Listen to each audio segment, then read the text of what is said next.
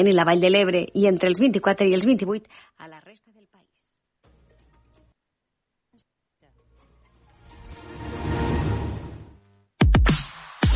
Aquest estiu, obert per vacances. Cada matí, de 9 a 11, a la teva ràdio local. Amb Manel Ferrer. Molt bon dia, què tal? Benvinguts a l'Obert d'avui dimarts 29 d'agost del 2023, el mateix dia en el qual hem conegut que el mal temps no ha fet disminuir els rescats a la muntanya i ara ens situem ja en un any rècord. En els primers 8 mesos d'aquest any, els bombers han hagut de fer 991 rescats o salvaments de muntanya. És la xifra més alta que s'ha registrat mai. L'any passat, en les mateixes dates, se n'havien fet 800, eh, 816, 175 menys. I avui també hem conegut que el català deixa de ser un requisit per treballar a la sanitat pública de les Balears. Des d'aquest dilluns, el català deixa de ser un requisit per treballar a la sanitat pública i el govern del PP, encapçalat per Marga Proens, ha aprovat el decret que el relega de requisit a mèrit. Segons ha anunciat la consellera de Salut, Manuela García, el canvi respon a l'objectiu de fidelitzar i atraure més personal mèdic a l'arxipèlag. Les rêves des amoureux sont comme le bon vin. Il donne de la. I si encara us han sobrat diners de les vacances, ben atents perquè s'ha posat preu al formatge més car del món. El restaurant El Llagar de Coyoto a Oviedo ha pagat per un formatge cabrales de 2 quilos 30.000 euros. El formatge ja estava inscrit al llibre Guinness dels rècords com el formatge més car del món i amb aquesta venda s'hi manté. La peça s'ha subestat en el marc del certamen del formatge de cabrales que ja fa 51 anys que es fa a Astúries. Fins ara, el rècord de venda en aquesta subhasta era de 20.500 euros, una xifra assolida el 2019. I en el programa d'avui recollirem alguns consells per circular bé a les ciutats. Parlem amb Josep Oms, responsable de la primera i única Acadèmia d'Escacs de Lleida i descobrim algunes anècdotes d'un treballador en una benzinera 24 hores. Avui també, per cert, estarem molt atents a l'incendi declarat ahir al vespre a Montroig del Camp i que ja porta cremades més de 10 hectàrees.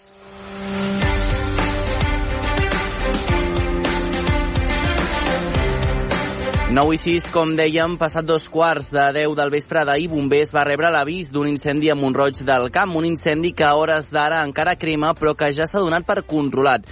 Ens ho explica tot plegat el nostre company de Tarragona Ràdio, Pep Sunyer. Molt bon dia. Bon dia, Manel. Doncs sí, hores d'ara es mantenen encara 13 dotacions terrestres i un helicòpter bombarder que s'ha incorporat també a les tasques a primera hora del matí, des de l'aire. Un foc obligat a s'allotjar els veïns de la urbanització de les Planes i també de finques aïllades. El que s'hi han quedat també s'han hagut de confinar per a precaució durant la nit. Aquest matí, però, s'ha aixecat ja el confinament amb la millora de les condicions i han pogut tornar a casa. Un foc que s'ha originat al barranc de la Porcarola i que s'ha propagat a les hores de la nit amb molta virulència, empesa pel fort vent de Mestral amb ratxes de fins a 70 km per hora, fins que els efectius l'han pogut donar per controlar, com deies, quan passaven 22 minuts de les dues de la matinada. Una velocitat de propagació que ha estat alta, aproximadament d'un quilòmetre per hora. Segons el primer balanç eh, dels agents rurals, el foc ha cremat 10,4 hectàrees. Un incendi on han arribat a treballar i 33 dotacions terrestres dels bombers al llarg eh, d'aquesta passada nit. Eh, semblava, semblava que les pluges d'aquests darrers dies s'havien donat una treva, però els agents rurals alerten que el municipi continua a nivell 3 del Pla Alfa per perill extrem d'incendi forestal i amb restricció d'accés als espais naturals de Tibis a Vandellós. També han recordat que per aquest dimarts el perill d'incendi continua sent molt elevat al sud de Catalunya, on hi ha 46 municipis a nivell 3 d'aquest Pla Alfa i restriccions d'accessos a quatre espais naturals. De fet, s'ha fet una crida, Manel, a extremar la precaució al medi natural. Doncs ens quedem de moment amb això. De fet, d'aquí uns minuts podrem parlar també amb l'alcaldessa accidental de Montroig del Camp, Yolanda Pérez, que atendrà també el nostre programa a l'Obert per vacances. Serà d'aquí uns minuts. Gràcies, Pep, també per aquesta darrera hora. Fins ara, bon dia. Obert per vacances amb Manel Ferrer.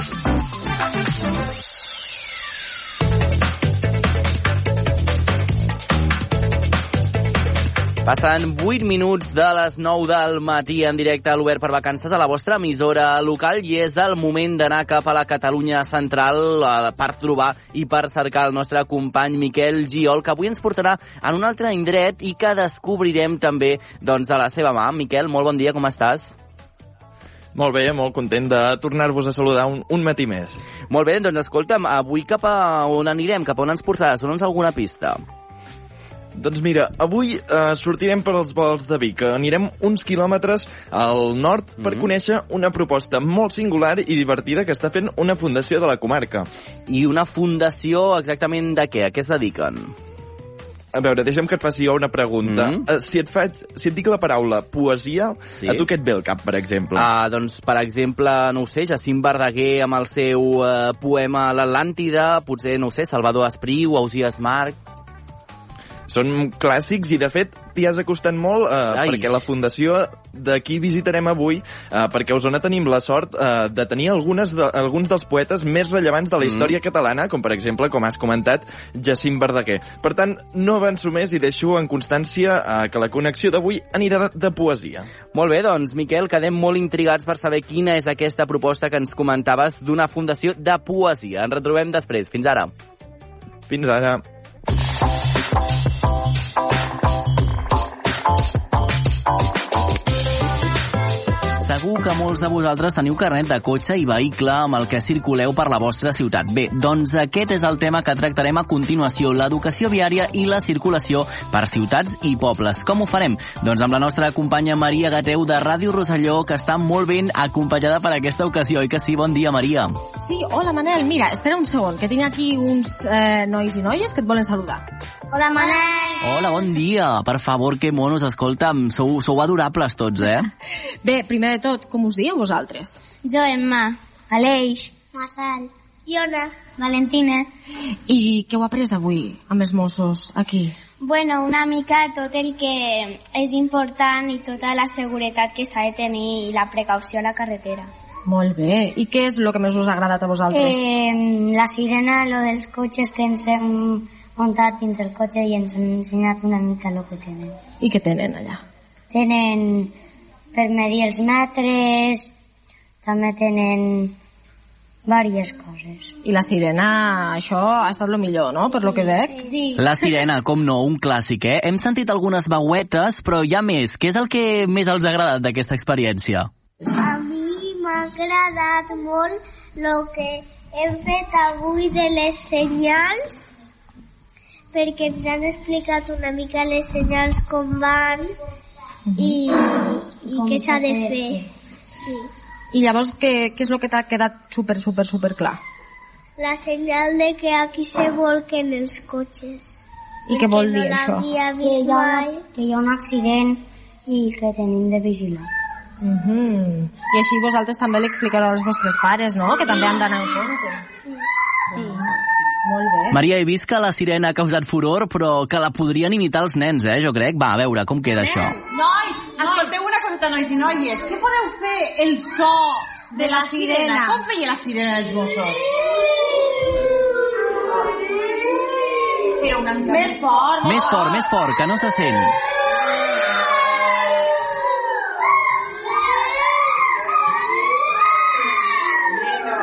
Molt bé, perfecte. Gràcies. Moltes gràcies. Escolta'm, em sumo aquest aplaudiment perquè ho heu fet meravellós, meravellós. Bé, Manel, doncs ja veus que ells tenen molt clar com, com sona la sirena dels Mossos. Però parlant dels agents, doncs eh, tenim aquí ja per fi els dos agents dels Mossos que han vingut avui a Rosselló a fer aquesta xerrada als més petits de casa i per una banda tenim l'agent Jaume Hola, bon dia. i el Xavier. Bon dia, bon dia. Què tal? Com ha anat? Bé, bé, ha anat molt bé, ha sigut una xerrada tot i que hi havia, bastant, hi havia una franja d'edat bastant, bastant extensa perquè teníem nens des dels, des dels 4 anys aproximadament fins als 10-11 anys però eh, creiem que ha anat molt bé i creiem que també l'important, a part de que han après, també s'ho han passat molt bé i això dona ganes de que, de que, vulguin, que ells vulguin que tornem l'any que ve. Això ha quedat clar, eh? que ja els hem escoltat ara fa una estona i han eh, imitat tots el soroll de la sirena. Jo crec que això ha estat eh, l'estrella de, de la visita, també. Sí, sí, el, la sirena, sobretot el vehicle, són coses que, que els agraden molt, veure el material que, que portem i també aprofitem doncs, per donar-nos a conèixer una mica el que som els Mossos d'Esquadra eh, i també dintre dels Mossos d'Esquadra, en aquest cas, l'especialitat de trànsit. I al mateix moment també aprofitem doncs, per fer una mica d'introducció a alguns aspectes que des de trànsit creiem, creiem que són importants, com és l'ús del casc o vigilar quan anem en bicicleta. que és en aquestes edats doncs, quan, quan tenen aquest, aquests perills de, de que sempre fan, utilitzen la bicicleta com a, com a un mitjà de transport i a vegades, moltes vegades no porten el casc i creiem que és important de que ja des de ben petits doncs, que l'utilitzin perquè agafin aquest costum. Així és, perquè Maria, jo els hi volia preguntar quins són els perills o les problemàtiques més freqüents entre els més petits a l'hora de circular a les ciutats i també en els pobles, que suposo que també hi ha diferència entre l'un i l'altre, no? Sí, um, hi ha diferència sobretot pel que fa a la ciutat doncs hi ha més volum de trànsit i això comporta més risc, però no per això vol dir que en un poble doncs, doncs sigui segur no? a vegades el, la problemàtica dels pobles i sobretot pobles com aquest que s'han anat fent grans que eren pobles petits i s'han anat fent grans doncs no ens donem compte de que, de que també és un perill de que vagin pels carrers i llavors eh, des de ben petits eh, els hem d'anar inculcant doncs, un, uns bons hàbits pel que fa al trànsit, no? saber que han d'utilitzar les voreres, saber que quan van en bicicleta han d'anar atents i han de fer ús del casc, no? perquè si nosaltres no ho fem o no els ensenyem això, doncs a mesura que es faran més grans doncs tampoc no ho utilitzaran i el risc sempre hi serà. I pel que fa a zones d'esbarjo, no? com són parcs o zones més on els nens juguen, també han de tenir com cuidado allà, no? I també sobretot els vehicles en aquest cas. Sí, sí, els vehicles intentar no accedir a aquestes zones, tot i que sabem que en la majoria de zones ja està prohibit, i els més petits, encara que ens pensem que és una zona que està exclosa a la, a la circulació doncs, també hem de fer servir les, les proteccions en el cas de dur mm, doncs, patinet o, o bicicleta perquè també hi ha el risc de que fent alguna... intentant atrevint-nos o pensant-nos de, que, de que no passen vehicles doncs, doncs que puguin caure al terra i que ens puguin donar un mal cop al cap. Uh -huh. I entrant ja en xifres, eh, Jaume, clar, jo aquí tinc apuntades no, que la xarxa, el 2022, a la xarxa viària eh, de catalana, han mort un total de 42 motoristes, 8 ciclistes i 18 vianants, que són precisament no, els mm, col·lectius més vulnerables eh, dintre d'aquests incidents. Ens pots avançar una miqueta com va actualment al 2023 tot això o com eh, està una mica la situació? Bé, aquestes dades no... Jo en aquests moments jo no, no les disposo, això ho disposa el Servei Català de Trànsit, no? però sabem que, que malauradament doncs, cada any sempre hi ha accidents no només amb vehicles, eh, amb cotxes, que és el que ens pensem que els accidents no només passen als cotxes, sinó que també passen en camions, també passen amb, amb motocicletes i també passen amb bicicletes i, a, i amb vianants. O sigui, no perquè anem caminant estem, no estem exposats a patir un accident de trànsit o a, o a patir un atropellament, igual que no perquè anem en bicicleta eh, no puguem tindre un, un accident de trànsit. És més, avui en dia l'ús de la bicicleta com a un, com un, un mitjà no només eh, com un mitjà de transport, sinó com, com a un aparell d'oci per, per agafar-lo pel cap de setmana i fer una mm. sortida, doncs cada vegada està més extès i cada vegada hi ha més gent doncs, que l'utilitza els caps de setmana doncs, per, per desplaçar-se com a mitjà de, com una pràctica d'esport, no només com un mitjà de transport. Uh -huh. I pel que fa als pobles i les ciutats, eh, l'entrada dels patinets elèctrics ha suposat un abans i un després en aquest sentit? Ja no només d'afectacions o accidents, sinó també de normes, normatives, eh, la convivència no? d'aquests eh, vehicles amb les persones del poble o de la ciutat? Bé, sí, sempre és un... Cada vegada que hi ha una, un, un mitjà que, que, que entra en circulació, ja va passar amb els vehicles amb els vehicles de quatre rodes que es podien circular amb, que podien circular amb, amb un permís de ciclomotor uh -huh. doncs que va ser ja una novetat per moltes persones no? i va ser una entrada que molta gent al principi no estava acostumat no? però al final s'ha de conviure amb aquests vehicles i, i s'han de respectar ja les normes que, que hi han, igual que les que s'estipulin quan hi ha una entrada d'un vehicle nou. No? En aquest cas el patinet era una cosa nova i s'han tingut que adaptar la, la normativa a aquest, a aquest nou mitjà de transport. I a partir d'aquí, doncs, entre tots, mirar de, mirar de respectar aquesta normativa perquè al cap i a la fi és, són, no són normes imposades sinó que el que pretenen és un, que hi hagi una convivència entre totes les persones que, utili, que utilitzem l'espai públic, no? ja siguin vianants, ja siguin conductors de bicicletes o, o patinets, ja siguin conductors de vehicles. Al final, tots, tots pertanyent a, a, aquest, amb aquest espai i tots tenim els nostres drets, però també hem de tindre clar que tots hem de complir les nostres obligacions perquè doncs per, per evitar això, no? evitar els accidents de trànsit. Mm -hmm. Abans eh, comentàveu que fèieu aquestes activitats amb els més petits, però també fa falta enfocar-les cap als joves, no? Perquè eh, quan comencen amb els patinets, amb el carnet de moto, suposo que la conscienciació prèvia a tenir, en el moment de tenir el carnet, és eh, molt important. Bé, nosaltres, al cap i a la fi, amb, sobretot amb els més petits, som una gota més però realment la feina també s'ha de fer des de casa, no? Nosaltres el que volem fer és una mica obrir els ulls de coses que ja saben, uh -huh. perquè tothom sap que quan va en bicicleta doncs ha de, ha de fer ús del casc, els més petits, però, clar, el, encara que jo ho recordi avui i, i jo ho intenti posar al cap d'aquests nens, eh, també des de casa s'ha de continuar treballant amb aquest aspecte, perquè si al final els pares no són els primers que, que li diuen al seu fill de que, o a la seva filla que es posi el casc cada vegada que surt en bicicleta, doncs, doncs al final no ho farà, no? I, i l'únic que intentem transmetre és aquestes petites aquest, aquestes petites coses perquè, perquè obrin els ulls i al final eh, entre tots poder evitar doncs, un accident. No? No, I a més, abans ho has comentat no, que teniu com diferents franges d'edats a les que feu aquestes xerrades, però a mi m'agradaria com enfocar-nos no només amb els petits sinó també amb els joves, perquè per exemple això que hem comentat no, dels patinets, i ja no només patinets, sinó quan comencen el jovent a treure's el carnet de moto o el carnet de cotxe, etc etc. jo suposo que també la conscienciació prèvia no, abans de tenir el carnet és molt important en aquest sentit. Sí, sí, nosaltres eh, a part de fer xerrades de mobilitat segura en, en, en casals, també les fem a les escoles. Aquí abarquem ja des dels cursos de P3 fins a 6 de primària, eh, però a part d'això doncs, també anem a instituts, eh, també es fan xerrades no només a petits i joves, sinó que també eh, abarquem tota la, totes les edats. Són xerrades a petits, són xerrades a joves que van a l'institut, són xerrades també que es fan o que s'han fet alguna vegada en algunes empreses, com pot ser Cooperativa de Guissona o, o Actel.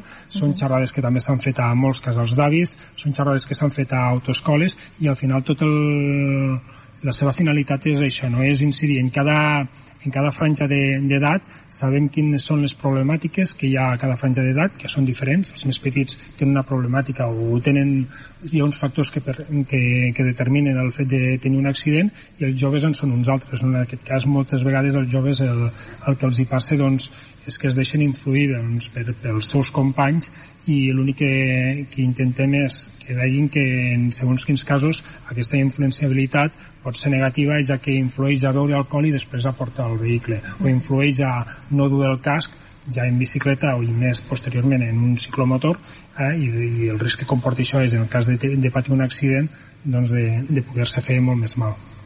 I ja per acabar, eh, Jaume, m'agradaria que ens donessis com uns inputs no? o un, eh, uns consells per a les famílies, ja no només per als petits, sinó també pels joves, eh, què podem fer no? per anar educant o incentivant no? aquest, eh, aquest respecte a la conducció i al, i al trànsit. Vaja.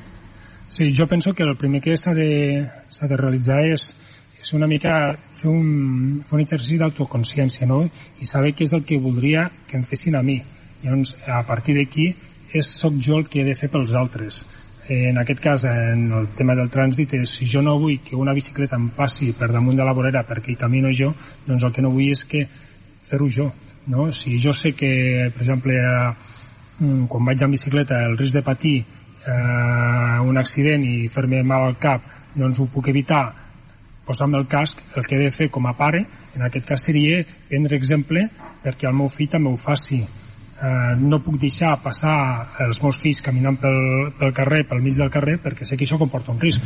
En un poble a vegades ens pensem que no, no passa res, però potser algun dia pot passar i, l'exemple està en que en qualsevol poble de Catalunya segurament en un moment o altre hi ha hagut un atropellament o segurament hi ha hagut algun accident en bicicleta en ciclomotor o en vehicle dintre de la població. Ens pensem que no passa mai, que els accidents són sempre fora de la població, però dintre de la població també n'hi ha. Llavors, el, aquest exercici d'autoconsciència, de respectar les normes que al cap i a la fi són un respecte entre persones, mm -hmm. són jo sóc un, un vehicle, tinc unes normes que he de seguir perquè al cap i a la fi són per conviure amb d'altres vehicles i amb d'altres usuaris d'aquest espai, doncs eh, si jo vull que me'l respectin, el primer que he de fer és respectar-los jo pels altres.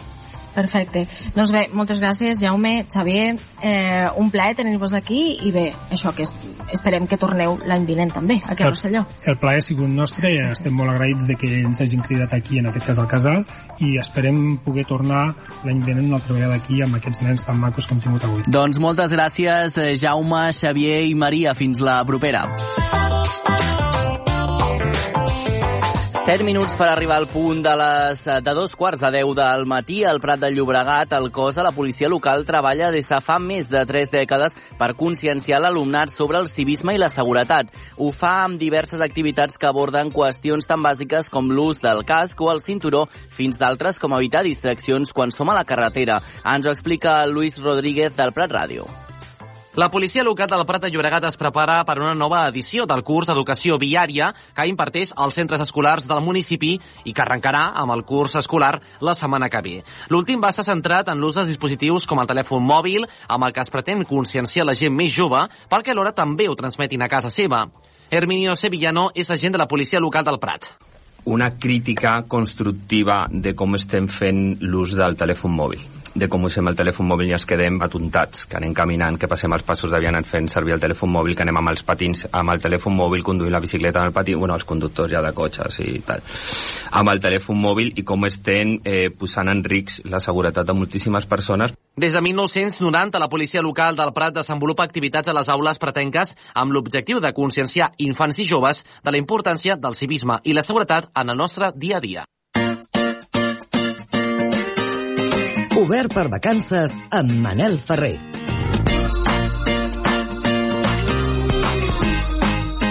I ara marxem a U a U Lleida Ràdio per saludar el Josep Oms, un dels noms més destacats del món dels escacs. Des del 2007 és gran mestre dels escacs i té a Lleida la primera acadèmia de la capital del Segrià. Amb ell es troba també la nostra companya Judi Castellà. Molt bon dia als dos. Bon dia. Hola, bon dia. La primera pregunta que et fem, Josep, què et va portar a obrir aquesta acadèmia exclusiva única d'escacs de, a Lleida? Hola, bon dia. A veure, el, ve una mica de... Jo era una persona que em dedicava als escacs professionalment mm -hmm. perquè, de fet, vaig guanyar el campionat d'Espanya l'any 93, el campionat d'Espanya sub-20, i llavors, doncs, vas intentant eh, guanyar-te la vida jugant, però, clar, és una mica complicat, i llavors doncs em compagines el que és el jugar amb fer classe i a poc a poc vas augmentant les dues coses fins que arriba un moment que et vas fent gran i decideixes d'obrir de, una acadèmia, en aquest cas que va ser l'any 2013. Clar, quina acollida va tenir al principi, com ha anat evolucionant l'acadèmia, perquè potser els escacs um, encara s'entenen més com una activitat d'oci, potser que no pas com una activitat que pot acabar sent professional. Quina acollida ha tingut? Eh, m'ha tingut el seu procés i encara, inclús jo crec que avui en dia encara estem una mica donant-nos una, no a conèixer, però sí a canviar una mica el marc mental, inclús també del, del món dels escacs, no? Perquè, clar, eh, com dius tu molt bé, els escacs estaven vistos doncs, una mica com, potser no només al bar del poble, com tota la vida, però sí amb el, amb el cas de que ningú s'hi guanyava la vida, diguem, per ficar una mica amb antecedent, l'únic professional a qui Lleida sempre havia estat jo. L'únic que viure dels escacs és una mica complicat, perquè no deixa de ser una mica amb almenys aquest aspecte una mica marginal, perquè costa molt i els diners que guanyes és molt difícil, no? A part de que difícilment tens seguretat social, bueno, ve una mica d'antecedent aquí, no? Llavors, quan montes una acadèmia que ho vols reglar tot, que vols que tots els entrenadors tinguin el tècnic català d'esport, tinguin bueno, que tot se faci de manera amb seguretat social, tot legal, doncs clar, topes una mica amb una realitat que havia fins al moment, que encara hi és inclús, però topes una mica amb una situació que era tot molt més de per casa, no?, per dir-ho així. Clar. De fet, eh, la pregunta que volem fer ben relacionada perquè tenim molta curiositat per conèixer què feu en aquesta eh, acadèmia, quins serveis oferiu? El, la veritat és de que ens reinventem tant com podem, no? Perquè és una mica difícil. Doncs, el, clar, a veure, generalment el més principal el que fem és escacs a l'escola, eh, que allí fem amb, amb horari lectiu i extraescolar, centrant-nos en l'escola, devem tenir, jo crec que passem ja dels mil alumnes, més o menys, mil i pico, perquè con, aquí Lleida Ciutat, eh? uh -huh. perquè mm, estem en horari lectiu en unes quantes escoles, com a complement matemàtic o complement de llengua, de relacions entre els nens, perquè és bastant lúdic, no? A part de, de la part que pots explicar més tècnica, per dir-ho així, després hi ha un component quan juguen els nens entre ells, doncs clar, parlen, es relacionen, és bastant entretingut, no? I després, doncs també estem bastant posats amb el tema social, que diguem que, que ens diferencia bastant. A l'estat espanyol potser hi ha dos o tres acadèmics com a molt, i alguns clubs que sí que fan coses, no? Però nosaltres tenim, sincerament, una, una vessant social molt potent, i en aquest cas fem amb salut mental, presons, gent gran, bé, una mica. Després també jo sempre m'he dedicat al tema èlit, i aquí també elit vol dir, mm, per exemple, ara vaig al campionat d'Europa de, de, de nens per la Federació Espanyola de 8 anys a 18 i llavors entreno els millors nens de l'Estat i bueno, doncs sempre ens movem una mica amb bastantes coses per intentar bueno, sobreviure, vaja. Deies que teniu més de 1.000 alumnes a Lleida ciutat només. Uh, vol dir que també ten, ah, teniu alumnes de fora de la ciutat de Lleida, comarques de Lleida, abasteu? Sí, però poc, perquè al final és una qüestió de que eh, som els que som, no tenim una estructura molt gran i llavors, doncs clar, si has de moure't molt lluny és difícil. Eh, afortunadament, avui en dia la possibilitat d'internet, que es va, va créixer molt amb el tema del, del confinament i també amb la sèrie del Queen's Gambit, Gambit de Dama, mm i va créixer bastant. I hi ha sempre aquesta possibilitat de que ho podem cre... Eh, bueno, que abans no hi era, no? però diguem que una, principalment pel Segrià. No sortim massa del Segrià, a pesar que estem oberts, però clar, mm, els recursos són els que són. Clar, i quin perfil d'estudiant teniu? Són més nois, més noies, eh, edats? Um, L'edat ens movem des de P4 P5, perquè també fem, fins a, una mica en broma, fiquem fins als 99 anys, no? Però, però i ens, generalment, potser de petits P4 P5 no, però a mesura es van fent gran els nens, el, mm, la veritat és que tenim molts més nens que nenes. És una de les mm, coses que sempre estem intentant lluitar-hi, però és la, la veritat és aquesta. De fet, a l'acadèmia o en general, si fem una competició o una trobada entre nens i nenes, doncs el percentatge és 90-10 tranquil·lament, eh? -huh. De fet, eh, Josep, al principi ens explicaves una mica alguns dels reconeixements eh, molt importants eh, que tens, però també per ser professor d'escacs, de, no sé si hi ha alguna titulació o formació que es dona per poder ensenyar a d'altres persones. Eh, no, eh, està bastant... Hi ha el tècnic d'esports, mm. nivell 1, eh, eh, en aquest cas, que serveix per als altres esports també, bueno, amb, amb la especialitat mm, corresponent, no? Uh -huh. Però però pràcticament no. Llavors, a vegades et trobes de que, clar, doncs, per exemple, hi ha clubs que, que et fan classe... Bueno, el tema del, de, de que tot estigui arreglat o el tema de que tu, per exemple, fa, com amb altres coses, no? Tu fas classe, cotitza seguretat social, et fas mm -hmm. autònom o declares i tal, això, en el món dels escacs sempre estem en una lluita perquè Clar. és una mica precari. Uh, més enllà del, de l'àmbit educatiu, uh, s'acostuma a dir, per exemple, que, la, que els escacs són una bona activitat doncs, per pal·liar malalties com l'Alzheimer. Uh, quin impacte té realment en la salut jugar als escacs? Eh, bé, això és una pregunta molt bona perquè, per exemple, un club, tu, tu vas a un club i vas a jugar i tothom té ganes de jugar, competir, guanyar, bueno, és una mica el... Tal, però, per exemple, a l'acadèmia, la meitat de persones que venen de totes les edats, perquè hi ha senyors i senyors, per exemple, a partir de 60 anys o, o nens petits, un gent intermitja, doncs la meitat dels que venen eh, no competeixen. Llavors eh, s'està adquirint l'hàbit com aquell que va al gimnàs, no? I llavors és una mica doncs, per mantenir-te en forma, per, bueno, com si fas un sudoku, coses doncs, per estar concentrat. De fet, per exemple, està clar, hi ha hagut estudis de que amb el tema de les malalties cognitives, com per exemple l'Alzheimer, doncs mm, ajuda molt a la gent gran està molt de moda de, per mantenir-se actiu, no? Per no estar tot el dia a la tele mirant mm -hmm. el, el, la premsa rosa o el que sigui, no? De fet, eh, ara ens eh, parlaves, també ens en una anterior pregunta, que encara falta que el, els escacs, el món dels escacs estigui encara una mica eh, doncs més reconegut no? i que se li faci molt més de, de costat. No sé si una manera de que també es conegués molt més aquesta activitat seria que també es pogués afegir els escacs eh, doncs, eh, com a part del temari o, o, o també com, dins del, com a recurs educatiu dins de les aules eh, i a les escoles catalanes. Bé, la veritat és que amb això s'ha avançat, mm. però jo crec que principalment a vegades el problema és, com sempre, els diners, no? Però, però s'ha avançat bastant. Per exemple, a la, la Federació Catalana té escacs a l'escola, que, mm, que el que fa és formar professors. Els escacs a l'escola és un acord entre la UDG, UDL, la Federació Catalana i Ensenyament. Llavors, el, el que fa és in, intentar doncs, formar professors i que els professors facin, eh, imparteixin doncs, els escacs a l'escola en aquest cas. No? I fa molts anys que es fa i jo crec que hi ha bastantes escoles que, que fan escacs. Una altra cosa és que pot ser el retorn o la meva manera de veure se podria aprofitar més, però que es fa segur.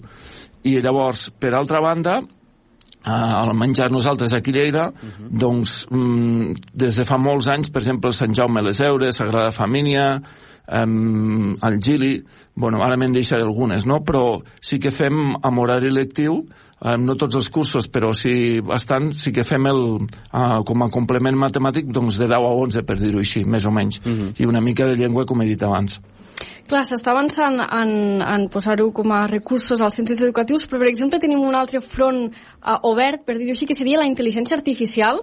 Uh, no sé quin impacte pot tenir en el món dels escacs. Per exemple, podem arribar a veure robots competint um, en competicions d'escacs? Mm, bé, és una altra pregunta. De fet, el, avui, eh, mentre estava esperant per entrar aquí, he vist de que arribaven a un acord el famós cas el Niemann i el Carlsen, el Niman és el que l'any passat mmm, va haver molt lío perquè va sortir lo de les boles calientes, mm. que va sortir el diari de que quan jugava la partida um, per, se li el, el, bueno, tot va ser de que en un torneig el campió del món, que és el Magnus Carlsen, va perdre amb un jugador desconegut, no? per dir-ho així.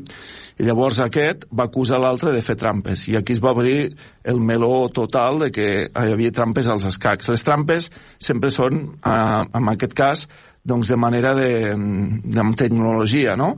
És a dir, que hi ha alguna manera que, lo, que et diuen les jugades l'ordinador i algú te les transmet o pot arribar d'aquesta manera, no? Llavors, el que passa és de que lo, qualsevol ordinador de, o qualsevol programa d'escacs o el que vulguis, un programa, que el pots piratejar inclús o val 30 euros, mm. Um, és millor que qualsevol home.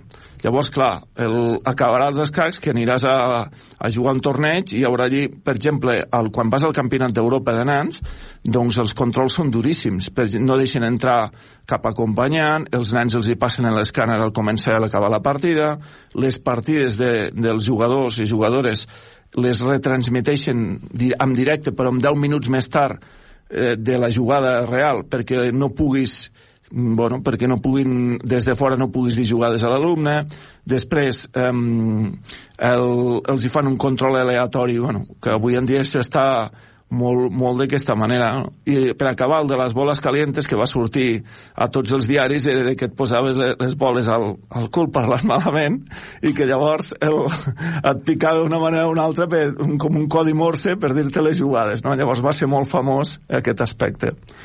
Doncs molt curiós, també, eh? la manera també d'acabar aquesta entrevista. Josep Oms, moltes gràcies per apropar-nos també al món dels escacs en totes les seves amplituds. Moltes gràcies que a vosaltres. Que vagi molt bé. Gràcies, Judit. Fins adeu, la propera. Bon adéu, adéu, adéu, gràcies, adéu.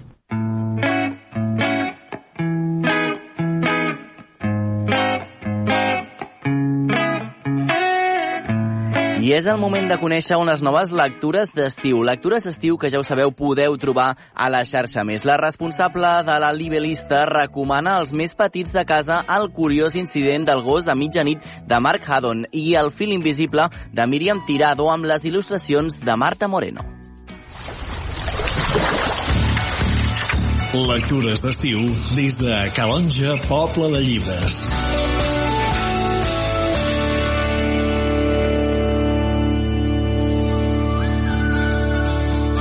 Al desembre de l'any 2021 naixia la primera Booktown de Catalunya, Calonja, Poble de Llibres.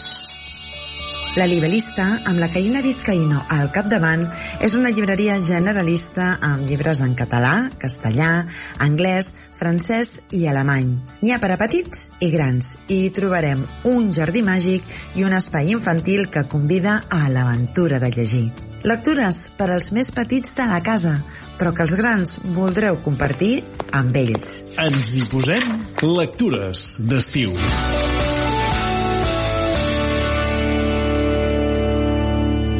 Tinc moltes ganes de, de fer un parell de recomanacions perquè els protagonistes són els nens que també passen l'estiu i també tenen que llegir, no? Llavors, eh, faig dues recomanacions. Un és per nens o, i nenes, infants, de a partir d'uns 9, 10, 11 anys.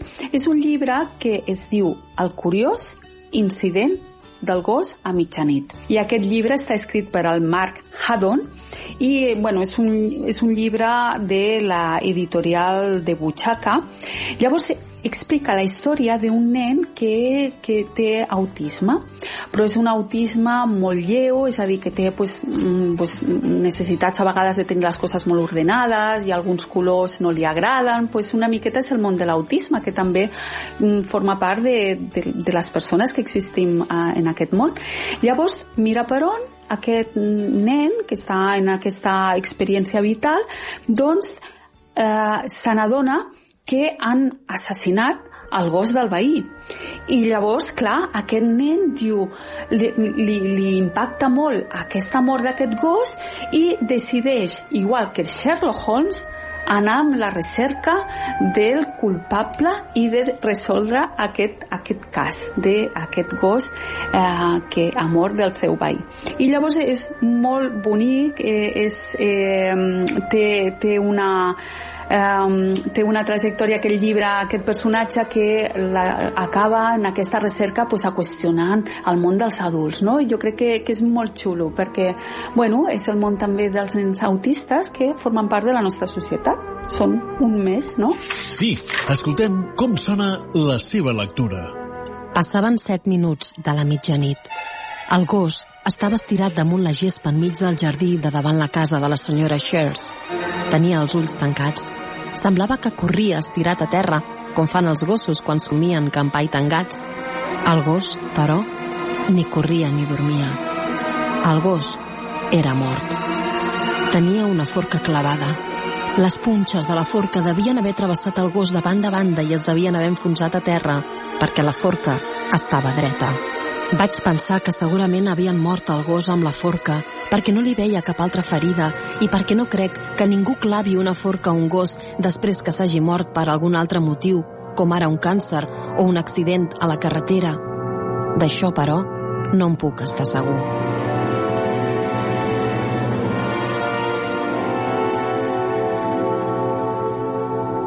I l'altre llibre que us recomano és un llibre de, de la Míriam Tirado, que bueno, és una autora de llibres infantils molt xulos, i les il·lustracions és de la Marta Moreno, i el llibre és El hilo invisible, i té un subtítol que diu Un cuento sobre los vínculos que nos unen. Aquest llibre també està en català, però aquest en concret m'agrada molt perquè té un pop-up. Vol dir que obres les pàgines i, i n'hi ha un desmuntable que és preciós. I llavors el fil invisible, este hilo invisible, el que explica és una nena que eh, li, li, li expliquen que el seu malit té un fil de color verd que connecta a tots els éssers que ella estima. A la mama, al papa, a, als amics, a, a, als germanets, i això fa que si ella se sent sola i es toca el malic, connectar amb les persones que estima i llavors realment no està sola i mai mm, estarà sola. I llavors és un llibre que, que, bueno, que, que és una lectura preciosa tant per adults com per als nens. I aquesta, aquest llibre és, a la, és per l'editorial B de Bloc i bueno, és preciós, la veritat. Escoltem un tast d'aquesta recomanació. Els contes infantils són nexes d'unió. La seva lectura compartida crea vincles i una atmosfera màgica per als més petits i de retruc per als que els acompanyem. La Míriam Tirado, l'autora, és consultora de criança conscient i periodista especialitzada en maternitat, paternitat i criança. I cada paraula, molt ben acompanyada de les il·lustracions de la Marta Moreno, té un valor. Un conte que emociona i que ens ensenya que l'amor de veritat va més enllà del temps i de l'espai. Un punt de suport per acompanyar els infants.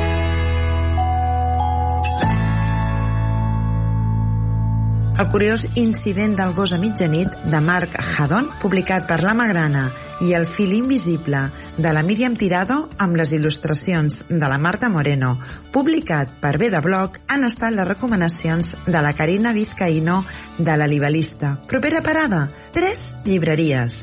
Mengem Cultura, La Viatgeria i Calonja Còmics. Us hi esperem. Lectures d'estiu des de Calonja, Poble de Llibres.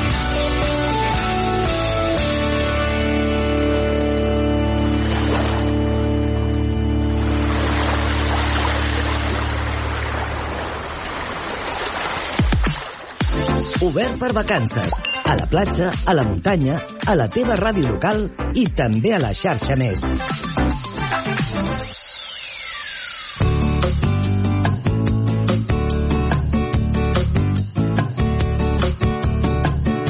Minut per quarts de deu del matí és el moment de conèixer un nou racó de país. Cada setmana descobrim un racó de país diferent a l'Obert per Vacances i avui anirem a un indret molt especial i singular. Avui ens submergirem sota el mar de l'Empordà per descobrir una gran quantitat d'hectàrees que són font de vida amb la Cristina Cantal de Ràdio L'Escal.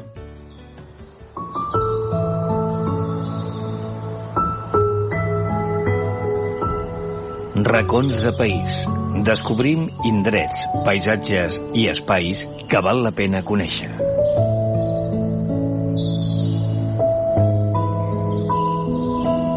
Catalunya té molts indrets d'interès natural, paisatgístic, arquitectònic i patrimonial, però avui volem descobrir un racó de país molt interessant que el tenim sota l'aigua i que per això sol ser desconegut. Estem parlant de la praderia de Cimo d'Oceano Dossa que tenim a la badia de Roses i que és una zona amb molta font de vida. En Boris Beisman és biòleg, bussejador i divulgador del mar des de fa més de 30 anys i és impulsor del projecte GRAM. Recentment ha estat nomenat codirector del Departament de Ciència Ciutadana de la Confederació Mundial d'Activitats Subaqüàtiques i està decidit a millorar la relació existent entre les persones i el mar. Descobrim, doncs, la badia de Roses de manera subaquàtica i endinsem-nos en aquest racó de país. Boris, primerament, què és la Cimodocea nodosa i què aporta la biodiversitat subaquàtica?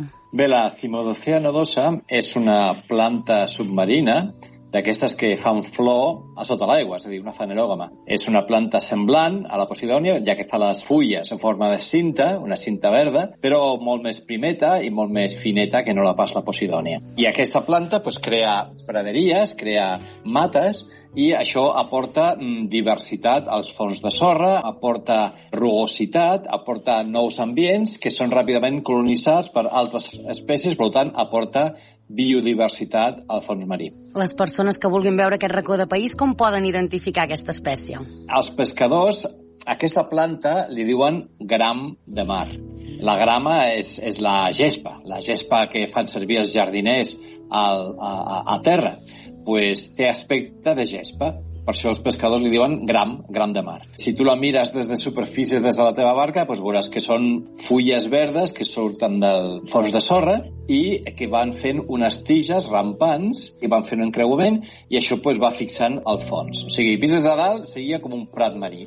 A través del projecte GRAM feu un seguiment de la Cimodocea Dossa, però a més també voleu acostar al mar aquest gran públic, no? Correcte. Des de la Fundació Alive eh, ja fa uns quants anys que estem fent el seguiment de la praderia de l'herbassar de Cimodocea nodosa que està a la Veia de Roses, que són ni més ni menys que 800 hectàrees cartografiades, que és la, el prat marí més gran cartografiat que es coneix, i estem fent el seguiment d'aquest prat amb la intenció de posar-la en valor i donar-la a conèixer al gran públic.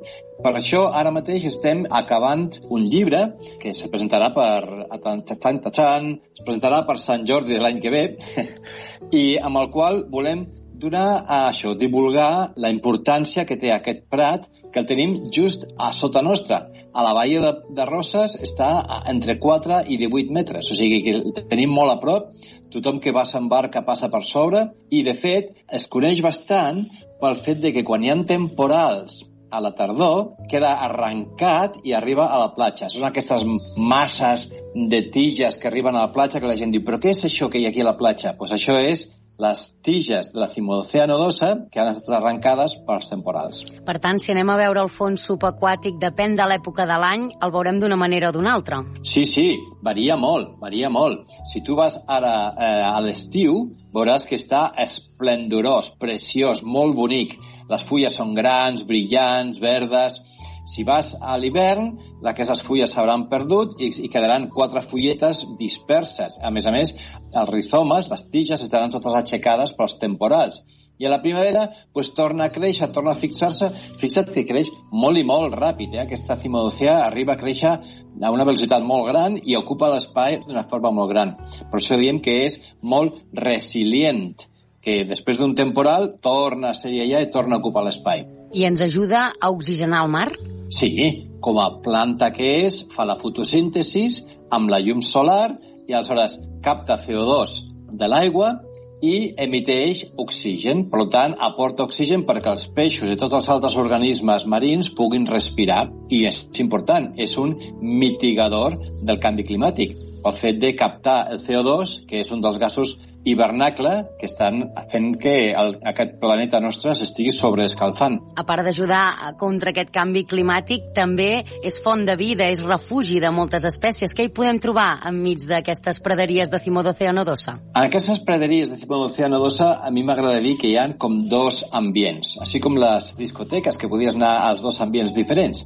Un seria arran de sediment, amb totes les seves tiges que es van entrecreuant i les arrels que van fixant el sediment, això fa que entre les seves tiges hi hagin molts petits mol·luscs, molts petits crustacis, però després estan totes les fulles que fan un segon ambient, no seria aeri, seria aquàtic, i aquí n'hi ha tots els peixos que busquen refugi per fer les cries, n'hi ha altres peixos que venen a caçar, tots els organismes, eh, cargols, briozous, algues calcàries que creixen al damunt d'aquestes fulles acintades, hi ha una gran diversitat i una gran quantitat d'espècies diferents en aquests dos ambients que ofereix la Cimodocea nodosa. Gràcies, Boris. Doncs ja ho veieu, la praderia de Cimodocea nodosa de la Badia de Roses, un racó de país subaquàtic que hem de cuidar i preservar perquè segueixi sent font de vida.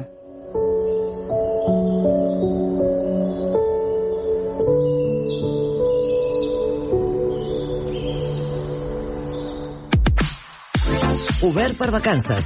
Busca'ns a la teva ràdio local.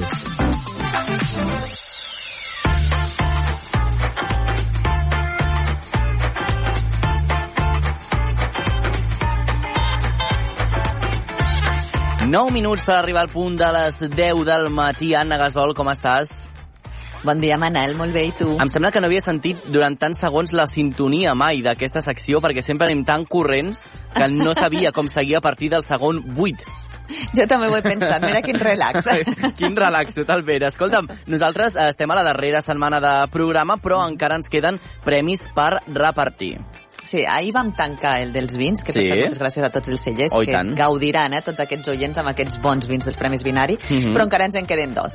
El primer que hem de recordar, abans de ficar-nos amb l'espai que ens toca ara, que és el de la cançó Sí. de l'estiu, si et sembla, Manel, és el de demà, que demà és darrer dia de sorteig de l'Espai Z. Exacte, sí, sí, ens queda una entrada doble per anar al Saló del Manga el proper divendres 8 de desembre. Per tant, un oient nostre més, un acompanyant, podran anar al Saló del Manga. I què han de fer, Anna, per guanyar aquesta entrada?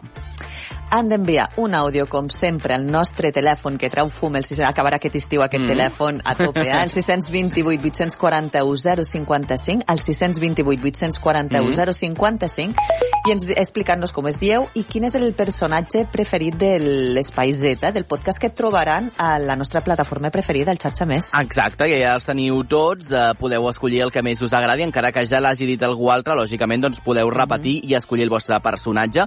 Aquest és un dels algun? concurs. Doncs jo et diria que em quedaria amb el Xinxan.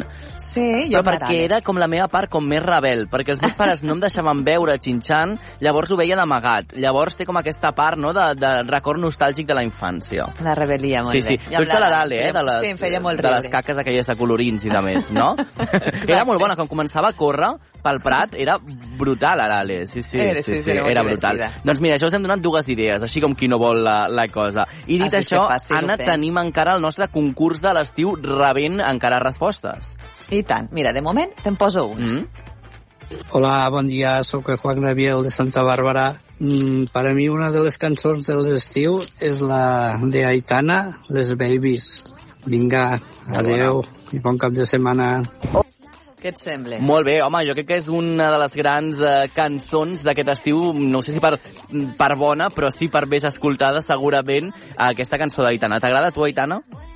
Eh, no sóc aitanera, No ets però bueno, aitanera. la puc escoltar. Com l'Àlex Escolta'm, Riba, que sí que ho és, el nostre company la- de Tarragona. L'Àlex sí que ho és. I tu em vas dir l'altre dia, l'altre cop que vam posar aquesta cançó, em vas Sí? dir, anirem una boda i la ballaré. La vas És ballar veritat, la és vas veritat. No, no, la boda està a punt de ser, està, mm, és la, el cap de setmana que ve. Ah, Sí, sí, sí, sí. M'avanço, sí, m'avanço sí, la sí. pregunta. Que, que casa l'acompanya Naomi Esteve de Ràdio Calella Televisió, que des d'aquí doncs, la felicitem per avançat també, uh, i anem tots de, de boda. Perfecte. Doncs, eh, dit això, aquesta és una de les propostes que ens heu fet, però hi han més, eh? N'hi tenc una altra, aquesta la porto perquè és una d'aquestes cantants que sempre surten, però encara no me n'havia arribat Mm. cap i m'ha fet gràcia. veure. Aviam si a tu t'agrada. Hola, bon dia, sóc la Judit i visc a Reus. Oh. La meva cançó de l'estiu és la de Caro G, Amargura. Ah, molt bé. Vale, gràcies, adeu. Què et sembla? Molt bé, home, molt, doncs molt diversa. Justament aquesta de Carol G. Amargura no l'havíem escoltat encara Carol nostre programa. G. Eh? Sí, sí, Carol G. literal. M'agrada que ho digui literal. Carol G.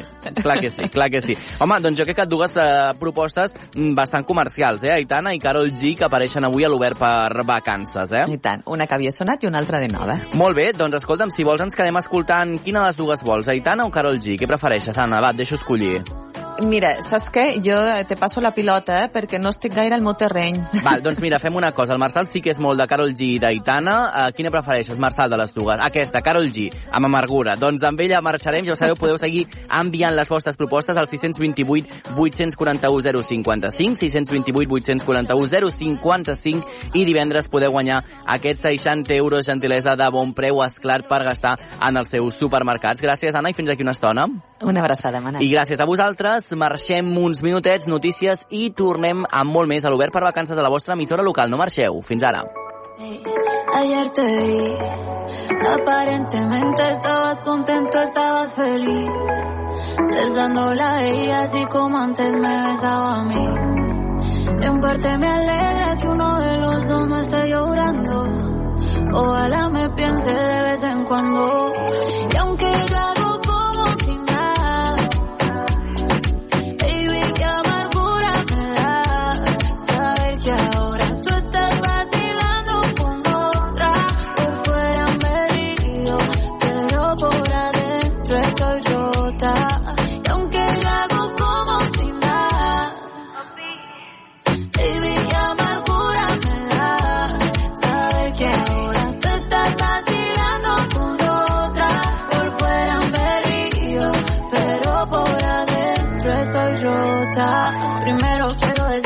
hay un segundo que piense que todo lo daño un tercero. Si ti se siente vacío el cuarto, insisto. Polvo llega, vamos hasta el quinto. Te extraño tanto, si te es distinto. Me duele ver cómo me dejan visto. A veces pienso que me extraña un poquito. Yo misma los pajaritos me pinto. Qué mal que ya no estés aquí. Estaría tomando un velo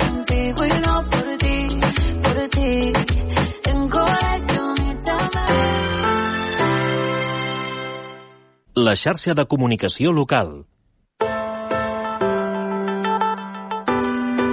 L'univers infinit.